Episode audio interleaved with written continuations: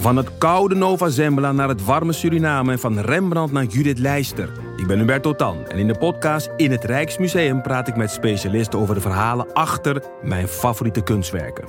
Nieuwsgierig? Beluister nu de nieuwe afleveringen. Ik ben Jacqueline en in de podcast Lust praat ik over relaties, intimiteit en alles wat met lust te maken heeft met ervaringsdeskundigen en experts. Of je nu in een relatie zit, single bent of iets daartussenin, Lust is de podcast voor jou. Overal te beluisteren, dus ook in jouw favoriete podcast-app.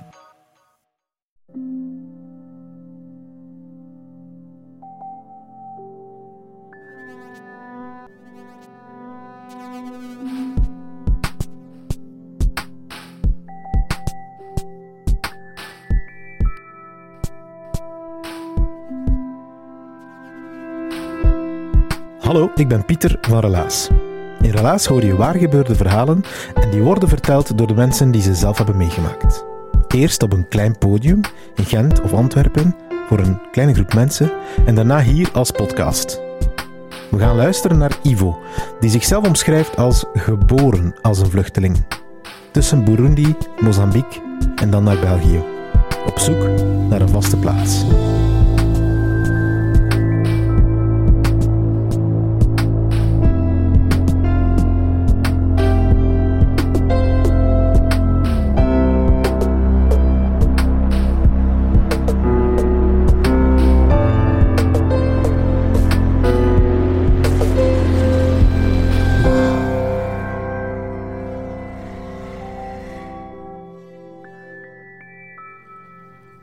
Alice Uimana. Dat is de naam van uh, mijn mama. Zij is geboren op 5 januari uh, eh, 1973 en mijn papa is geboren op uh, eh, 28 februari 1972. Er zit verschil tussen hen en ze zijn allebei Rwandezen. Na de genocide in 1994 uh, zijn ze gevlucht naar Congo, waar ze getrouwd zijn geweest. Um, en dan zijn ze verder gevlucht naar Mozambique. Mozambique is een land um, boven Zuid-Afrika, aan de kust uh, naast de Indische Oceaan. En ik ben daar uh, in de hoofdstad geboren, Maputo. Maputo is de hoofdstad van Mozambique. Ik ben op uh, eh, 22 februari 1997 geboren. En toen waren er nog niet zoveel Rwandezen in Mozambique. Um, ik ben daar opgegroeid als een gewone jongen. Um, ik had nonkels en neven die bij ons kwamen. En toen ik opgroeide in Mozambique, um, Sommige mensen, Mozambicanen, noemden me dan Burundees. En ik vond dat heel raar, omdat geen een van mijn ouders Burundees was. Um, ik ben opgegroeid in Mozambique. Ik voelde me een Mozambicaan, want ik sprak ook hun dialect. En toch noemden ze me Burundees. Ik voelde me op een of andere manier um, uitgesloten. Uh, en ik ben eigenlijk ook geboren als een vluchteling.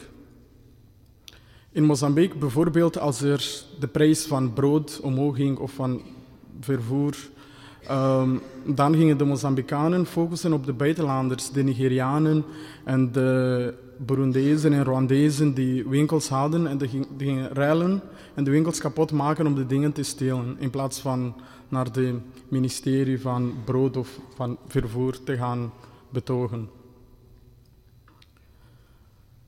In 2011, op 6 augustus, ben ik uh, mijn moeder verloren. En op die dag kwam mijn vader uit het ziekenhuis, want we gingen bijna nooit naar het ziekenhuis. Ik geloof ook niet in ziekenhuizen. Um, mijn vader kwam uit het ziekenhuis en die stapte uit de auto en die heeft mij gewoon een knuffel gegeven. Het was de eerste keer dat ik me kan herinneren dat mijn vader mij een knuffel heeft gegeven. En op dat moment wist ik, mama komt niet meer terug.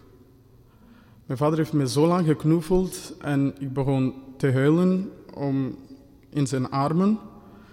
En hij zei, gooi je sterk.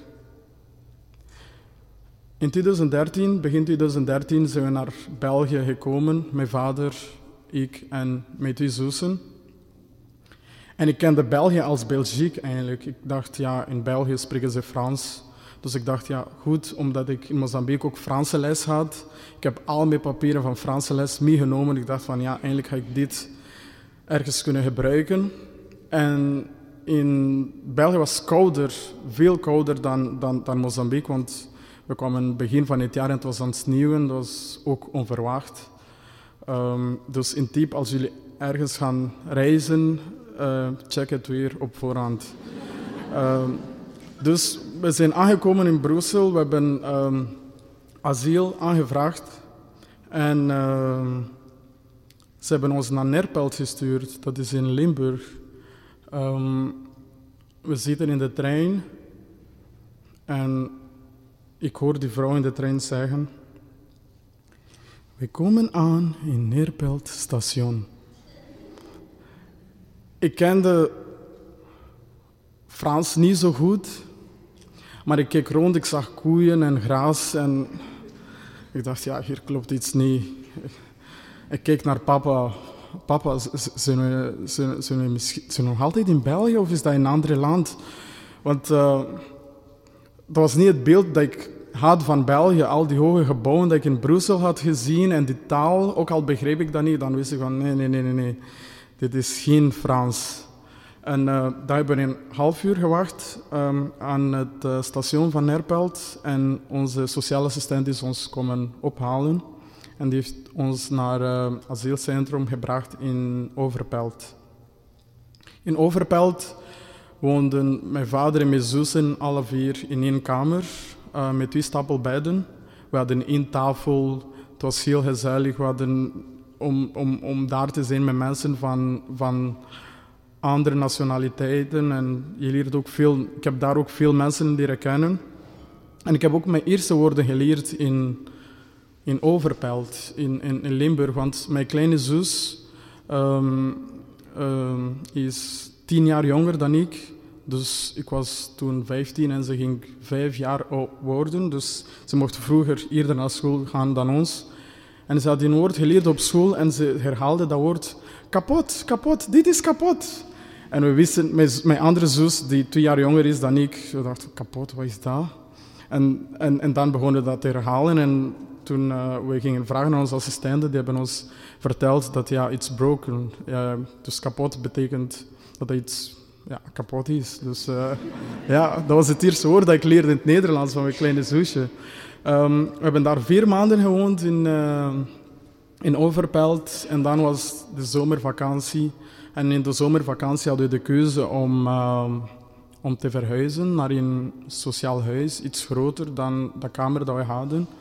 Um, en ze vroegen ons, willen jullie in huis zo dichtbij mogelijk of het eerste huis die voor jullie familie past. En we dachten, ja, eigenlijk we niet meer leven in, in, die condities, allemaal in één kamer. Geef maar ons het eerste wat er komt.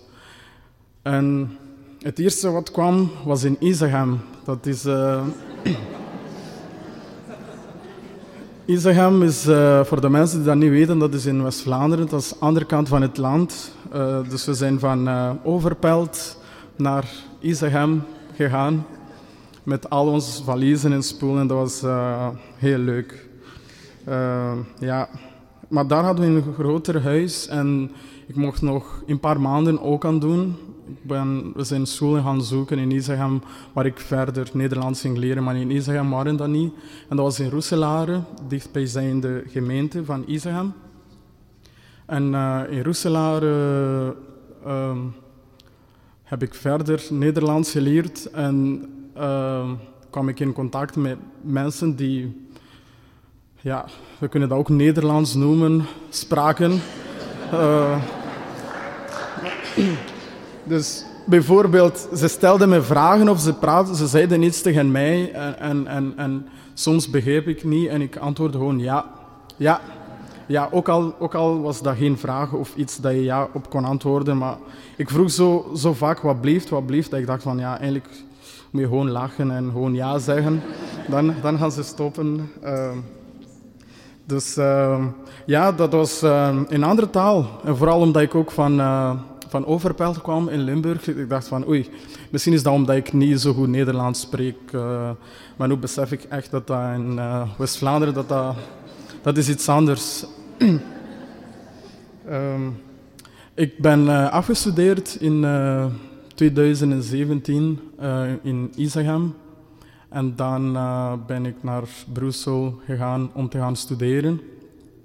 Maar in Okan, onthaalklas voor anderstalige nieuwkomers, wat ik daar zo tof en leuk aan vond, was dat er uh, jongeren uit Polen, uit Irak, Marokko, Sub-Sahara, Afrika en Zuid-Amerika, we, we, we zaten allemaal tijdens de speelplaats samen te voetballen zonder dat we dezelfde taal spraken en toch op een of andere manier begrepen we elkaar. Dat was zo een mooi beeld in mijn hoofd dat ik dacht van wauw, dit is zo mooi. En toen ik afgestudeerde dacht ik van ja oké, nu ga ik iets studeren waar ik die verhalen um, op een of andere manier kan vertellen of doorgeven aan andere mensen. Dan ben ik, ben ik montage gaan doen aan het RIETS in Brussel. Um, ik heb daar toelatingsproef moeten maken. Ik heb in die zomer ook veel Vlaamse films gezien. Um, om, omdat ik toch fascinerend vond dat Vlaanderen of België, zo'n kleine land als België, zo fictiefilms kon maken. Terwijl in Afrika zoveel grotere landen zijn die ook niet zo films kunnen maken. Ik dacht van, wow, in, in, in Vlaanderen en België maken ze zo korte films, precies als in Hollywood. En mijn eerste herinneringen met films zijn toen ik in Afrika was, dat ik zo Jackie Chan films en, en Jean-Claude Van Damme, die kwamen in cassette toen. Ik denk 2005, 2004. Um, dan gingen we die, iemand had van zijn huis een bioscoop gemaakt en die vroeg geld om die films te vertonen. Het was, het was wel tof en ik vond dat ook heel, heel bijzonder dat um, films uit China en, en, en van Jean-Claude Van Damme toch in die kleine, um, uh, die kleine dorpen in Afrika zelfs terechtkomen. Ik, ik vraag me nog altijd af, hoe, hoe kan dat? Want daar hebben we niet echt bioscopen en, en ja, maar toch de films van Jackie Chan. Als je in Afrika gaat, in elke kleine dorpje, vraag wie Jackie Chan is. Iedereen kent hem. En, en die is ook daar nooit geweest, denk ik. Uh, maar uh, hij is super bekend daar in Jacques van Damme ook in Rambo. Dus dat zijn mijn eerste herinneringen met films. En toen ik de Vlaamse films keek, heb ik ook datzelfde gevoel gehad van ja, nu weet ik het, dit is wat ik wil doen. Films maken en verhalen vertellen. En op een of andere manier um, die diversiteit in beeld te brengen. Want ook de diversiteit die ik in Okan zag, um, vond ik zo bijzonder dat nu momenteel zet ik me voor verschillende organisaties um, die bezig zijn met jongeren en media. En ik vecht of probeer ook uh, te vechten voor meer diversiteit in de media, zowel uh, op het scherm als achter de schermen. Um, ik ben ook rapper en onlangs heb ik uh, een briefje geschreven naar mijn mama met mijn andere zus. Het was een liedje. En ik wil eindigen met het begin van dat liedje.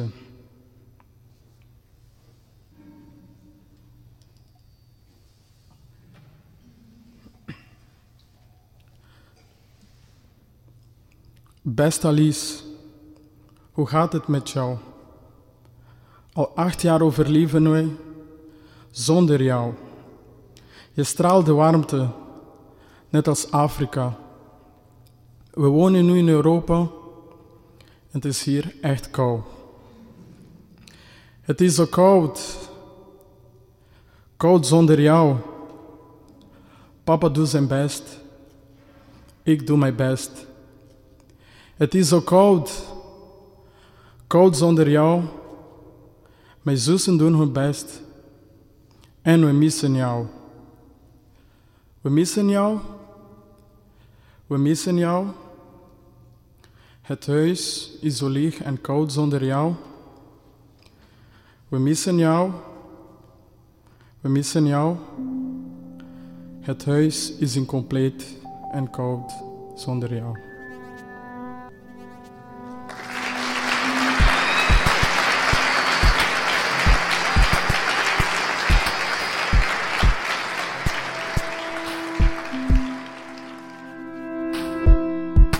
Dat was het relaas van Ivo. Hij heeft het verteld in Gent in december van 2019 in de Protestantse kerk.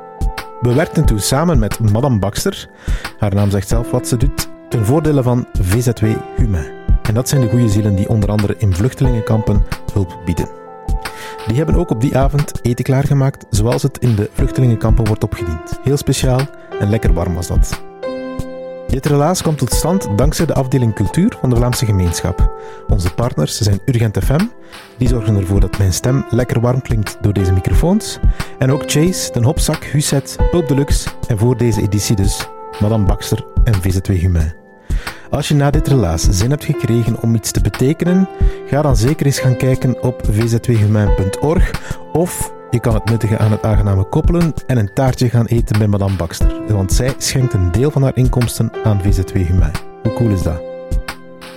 En als jij ons een pleziertje wilt doen, stuur dan dit verhaal door naar iemand aan wie je moest denken toen je het verhaal hoorde. We zijn op zoek op dit moment naar onze 1 miljoenste luisteraar, want die willen we dit jaar heel graag vieren en vinden. 1 miljoen luisterbeurten van Relaas in het jaar dat we 5 jaar bestaan. We zitten, en ik check eventjes, momenteel aan 885.000. Als je zelf een verhaal hebt, al is het nog maar het begin of een aanzet tot, maar vooral dus als je zelf zin hebt om een verhaal te vertellen, aarzel dan niet om ons een seintje te geven via onze website. Je kan daar klikken op Vertel je relaas. En dan krijg je een coach toegewezen en die helpt jou bij het vertellen van je verhaal. En voor je het weet, sta je misschien enkele weken of enkele maanden later bij ons op het podium in Lucet om jouw verhaal live te vertellen.